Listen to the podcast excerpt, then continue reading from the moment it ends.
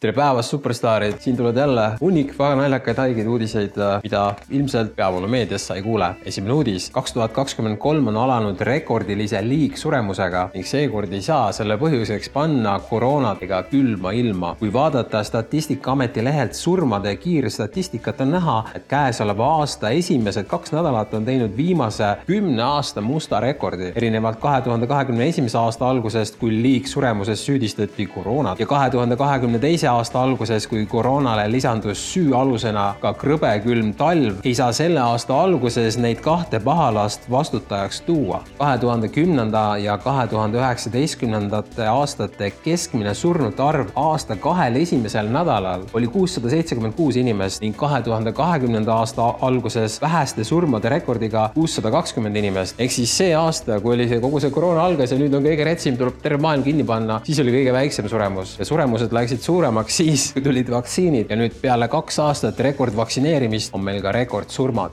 millal hakatakse peavoolumeedias küsima, kas liigsurmad võivad olla seotud enneolematu vaktsineerimiskampaaniaga? sellest, et mRNA vaktsiinid võivad tekitada insuldi, juba kirjutatakse. vaktsineerimisega kaasnevad liigsurmasid käsitleti möödunud nädalal Stockholmis toimunud koroonakonverentsil Stockholmis toimus võimas koroonapettuse paljastamise konverents. möödunud nädalavahetusel, kahekümne esimesel ja kahekümne teisel jaanuaril toimus Stockholmis rahvusvaheline koroonakonverents, kus osalesid mitmed koroonakriisi lahendamist ja kulgu kritiseerinud oma ala tipud. Eestist osalesid konverentsil MTÜ Ühinenud Meedikud ja Teadlased liikmed ja mitmed ajakirjanikud. konverentsi esinejate ettekannetesse põhjalikule materjalile toetudes muuhulgas kinnitust, et mRNA ainete süstimises põhjustatud surmajuhtumite ulatus on raskelt alahinnatud tehtud ning mRNA aineid süstinud mehega ei pruugi naine enam lapsi saada hmm.. kas see seletab ka Eestis drastiliselt langenud sündivust? konverentsilt jäi kõlama sõnum, suhtuge kriitiliselt kõigesse, mida valitsuse ja globaalsete võimustruktuuride poolt peavoolumeedia kaudu edastatakse. paari nädala jooksul saab kõiki ettekandeid ka veebis järelvaadata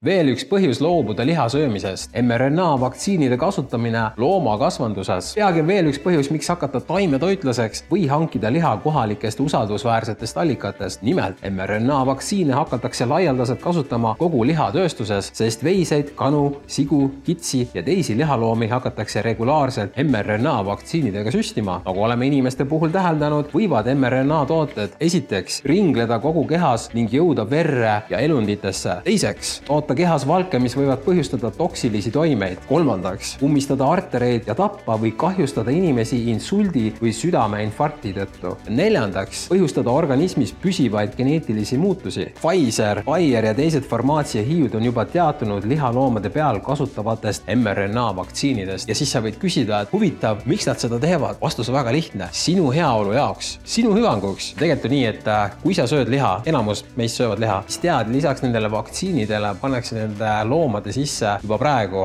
antibiootikume ja antibiootikumid nõrgestavad immuunsust järgmine uudis, see on tegelik põhjus, miks sularaha tahetakse kaotada. sularaha vastu on võideldud juba aastaid. süsteem ütleb umbes niimoodi, et aa, et sularaha tuleb ära kaotada, sest et see kuskil seal pättide käes ja narko ja mis iganes kaubandus, äh, must maailm, et seal liigub väga palju sularaha ja me ei saa neid pätte kinni nagu võtta. see on bullshit, sellepärast et äh, üheksakümmend üheksa protsenti inimestest ei oma musta raha, aga nad suhtuvad kõikidesse inimestesse nagu sa oleksid mingisugune kahtlusalune. sa ei saa isegi omaenda raha pangast välja võtta, kui sul on suurem kogus. katsu näiteks näiteks mingi sada tuhat eurot kanda teisele kontole, võimatu. aga võtta Bitcoin, pohult, sa võid kohe sada Bitcoini ka transfer ida niimoodi, keegi ei küsi mitte midagi. sularaha on vabadus, digitaalne raha on nüüd see raha, mida nüüd süsteem kavatseb äh, igal pool ellu viia. see on siis see CDBC ehk Central Banks Digital Currency, see on siis selline valuuta, selline raha, mida sa saad programmeerida ja oletame, kui sa oled näiteks vaktsiinivastane, siis nad saavad teha niimoodi, et sinu CBDC ei tööta. ning järgmiseks, Venemaa keskpank plaanib katsetada kontrolli kontrollühiskonna CBDC ehk digitaalse rubla süsteemi. ehk siis samal ajal, kui peavoolumeedia ütleb, et oo, et ida ja lääs sõdivad omavahel, siis täpselt ühel ajal seal on digitaalne rubla, digitaalne dollar, digitaalne euro,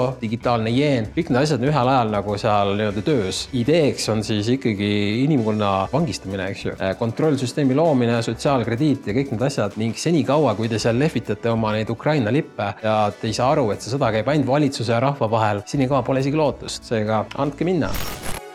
Oh, see on ülikõva uudis. IMF palub Zimbabwe'l lõpetada kuldmüntide emiteerimise, kuid riigi keskpank keeldub. aset on leidmas ajalooline sündmus finantsmaastikul. Zimbabwe võttis kahe tuhande kahekümne teise aasta suvel kiire inflatsiooni tõttu kasutusele kuldmündid, kuid Rahvusvaheline Valuutafond IMF on nüüd palunud viivitamatult lõpetada kuldmüntide emiteerimise. riigi keskpank aga keeldub seda palvet täitmast. kui kuldmündi vaidluses suudab Zimbabwe oma otsusele kindlaks jääda, võib see luua lumepalli efekti ka teistes riikides, sest fiat raha nii-öelda õhust loomepettus on jõudmas massidesse. tuleb aru saada, et inflatsioon on lihtsalt maksude varjatud vorm, mida kodanik peab maksma ja mida ükski parlament ei ole heaks kiitnud. iga mõistlik inimene, kes rahaloome teemat uurib, saab aru, et keskpankade valuutad nagu euro, dollar, rubla ja nii edasi on petusüsteemid, sest see raha pole tagatud praktiliselt mitte millegiga. iga õhust juurde loodud euro või dollar vähendab juba ringluses oleva raha väärtust. see tähendab, et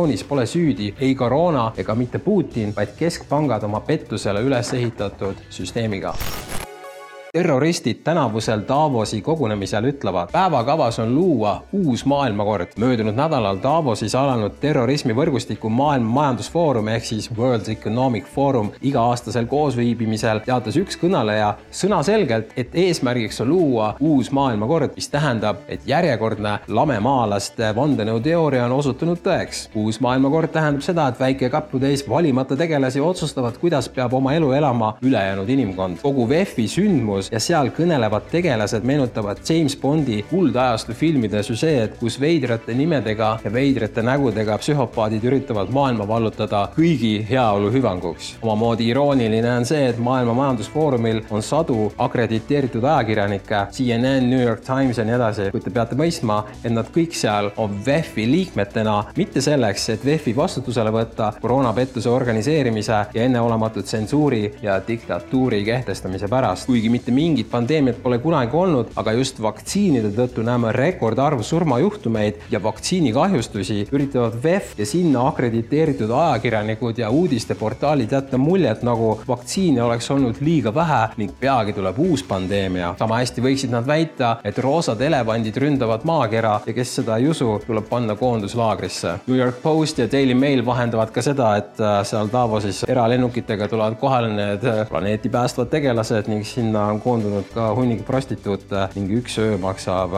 kaks tuhat viissada dollarit Elon Muski kahepalgelisus, keegi ei taha World Economic Forumi. möödunud nädalal viibutas Elon Musk näppu Maailma Majandusfoorumile ja säutsus Twitteris, et VEF on muutumas üha enam valimata maailma valitsuseks, mida inimesed pole kunagi palunud. Muski kommentaar käis konkreetselt VEF-i asutaja ja tegevjuhi Klaus Schwabi video kohta, milles viimane rääkis usalduse teemal. aga nüüd nali on selles, et kui Klaus Schwab räägib, et me peaksime endale need mikrokiibid siia kuhugi ajusse panema ja ühinema nende robotite ettevõtetega, noh, see transhumanism, eks ju, et siis täpselt samal ajal Elon Musk ise arendab seda, selle firma või selle asja, projekti nimi on Neuralink fitness treeneri spekulatsioon, seitsekümmend kuni kaheksakümmend viis protsenti koroonasüstidest on soolalahus. Rootsi fitness treener ja toitumisekspert Joakim Bartol spekuleerib, et kuigi koroonavaktsiinid on täiesti mõttetud ja samas ka eluohtlikud, siis seitsekümmend kuni kaheksakümmend viis protsenti viaalidest võivad sisaldada ainult soolalahust, sest kui vaktsiinitootjad suudaksid toota sellistes kogustes ehk siis kaksteist miljardit doosi aastas, neid kõrgtehnoloogilisi ja väga ebastabiilseid vaktsiine ning kõigis viaalides oleks oleks päris kraam ja see kraam oleks surmav, oleksid vaktsiinidest tingitud surmade arv mitu korda suurem. siis oleksid seda märganud isegi magavad massid ja NPC-d, on player character ehk arvutimängu tühitegelased. viskab Bartol kinda arutlemiseks. ta siis piltlikult räägib seda, et kui kõik need vaktsiinid oleksid seda sodi täis, seda mürki, mis iganes, mis iganes seal sees on, see, mis neid inimesi tapab, eks ju, need surnud tänavates oleks, hunnikutes oleks neid surnuid, aga nad teevad seda just kavalalt, et ainult natukene, siis saabki öelda, näed, et kuule, et äh, mine süsti veel. see tüüp ise näeb väga rets välja, vaata kui suur see tüüp on, mingi jõusaali vend. ma ei tea, ma olen kakskümmend viis aastat jõusaalis käinud, ma küll nii suureks ei lähe. huvitav, mida ma valesti teen ja lõpetuseks mu lemmikuudis möödunud nädalast. Moderna soovib uue mRNA süstiga ravida südamepuudulikkust, mida tekitasid Covidi vaktsiinid. Moderna tegevjuht Stefani Panseli sõnul on Moderna välja töötanud uue mRNA süsti, mis on mõeldud südamepuudulikkuse all kannatavate patsientide raviks. iroonilisel kombel sai aga uudse süsti väljatöötamine võimalikuks vaid seetõttu, et Moderna teenis tohutut kasumit Covid mRNA vaktsiinidega, mis uuringute kohaselt on viimastel aastatel tekitanud tõsiseid südameprobleeme nagu müokardiit, perikardiit ja need ülejäänud südamehaigused. ehk siis, mis juhtus, oli see, et fake pandeemia, siis öeldi, et aa, kuule, et mine võta vaktsiini. nii siis seal mingi viisteist protsenti hakkas vaktsiini tõttu viga saama või ära surema ja nüüd needsamad, kes teenisid vaktsiinidega raha, nüüd hakkavad ravima neid inimesi, kelle nende enda vaktsiinid tegid vigaseks. tule kapist välja ka sina, me kõik teame, et see on hauks